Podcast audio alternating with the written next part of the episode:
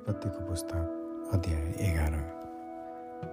बाबेलको धरहरा त्यसबेला जम्मै पृथ्वीमा एउटै भाषा र एउटै खालको बोली थिए।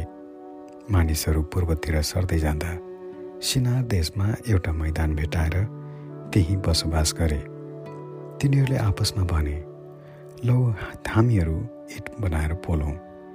ढुङ्गाको सट्टा इट र हिलोको सट्टा अलकत्रा तिनीहरूले प्रयोग गरे। तब तिनीहरूले भने लौ हामी आफ्नो निम्ति एउटा सहर र स्वर्गैसम्म पुग्ने एउटा धरहरा बनाऊ अनि आफ्नो नाउँ राखौँ र हामी पृथ्वीभरि जताततै नछर्यौँ। मानिसहरूका सन्तानले बनाइरहेका सहर र धरहरा हेर्नलाई परमप्रभु तल ओर्लनु भयो अनि परमप्रभुले भन्नुभयो यदि एउटै भाषा बोल्ने एउटै जातिको स्थानमा अहिले यिनीहरूले यो गरे भने अब यिनीहरूले योजना गरेको कुनै पनि कुरा असम्भव हुने छैन। आओ तल ओर्लेर गई तिनीहरूको भाषा खलबल पारिदिउँ र तिनीहरूले एकअर्काको बोली नबुझुन्। तब परमप्रभुले त्यहीँबाट तिनीहरूलाई जम्मै पृथ्वीभरि तितर बितर पारिदिनु भयो र तिनीहरूले त्यो सहर बनाउन छोडे। यसकारण त्यसको नाउँ बाबेल राखियो किनभने परमप्रभुले त्यही नै सारा पृथ्वीका भाषा खलबल पारिदिनु भएको थियो। त्यहीँबाटै परमप्रभुले तिनीहरूलाई सारा पृथ्वीभरि तितर बितर पारिदिनु भयो सेमदेखि अब्रामसम्मको वंशावली। सेमको वृत्तान्त यही हो। जलप्रलयको दुई वर्षपछि एक सय वर्षको उमेरमा सेम अर्पक्षेदको पिता भए। अर्पक्षेद जन्मेपछि सेम पाँच सय वर्षसम्म बाँचे र उनका अरू छोराछोरीहरू जन्मे। अर्पक्षेदको उमेर पैँतिस वर्षको हुँदा उनी सेलहका पिता भए।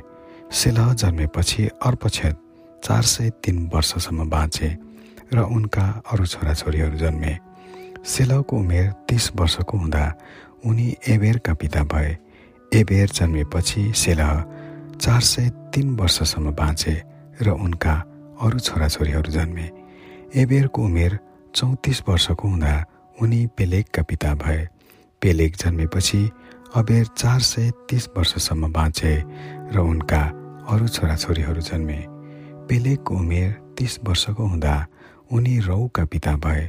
रौ जन्मेपछि पेलेग दुई सय नौ वर्षसम्म बाँचे र उनका अरू छोराछोरीहरू जन्मे।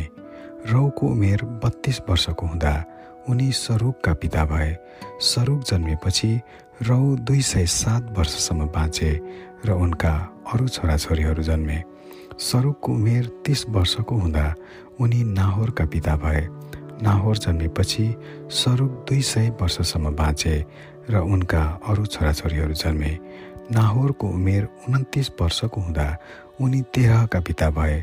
तेह्र जन्मेपछि नाहोर एक सय उन्नाइस वर्षसम्म बाँचे र उनका अरू छोराछोरीहरू जन्मे। तेह्रको उमेर सत्तरी वर्षको हुँदा उनी अब्राहम नाहोर र हारानका पिता भए तेह्रको वृत्तान्त यही हो।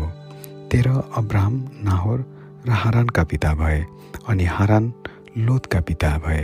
हारान उनका बाबु तेह्रकै जीवनकालमा आफ्नो जन्म देश कल्दीको उम्रमा मरे।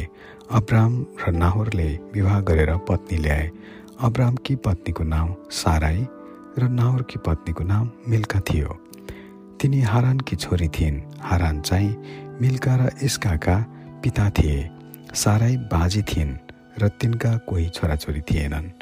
तेह्रले आफ्ना छोरा अब्राम र हारानको छोरा आफ्नो नाति लोत र अब्रामकी पत्नी आफ्नी बुहारी साराईलाई साथमा लिएर कल्दीहरूको उरबाट कनान देशमा जान तिनीहरूसँगै निस्के। तर तिनीहरू हारानमा पुगेपछि त्यही नै बसोबास गरे। तेह्रको उमेर दुई सय वर्ष दुई सय पाँच वर्ष पुगेपछि उनी हारानमा मरे। आमेन।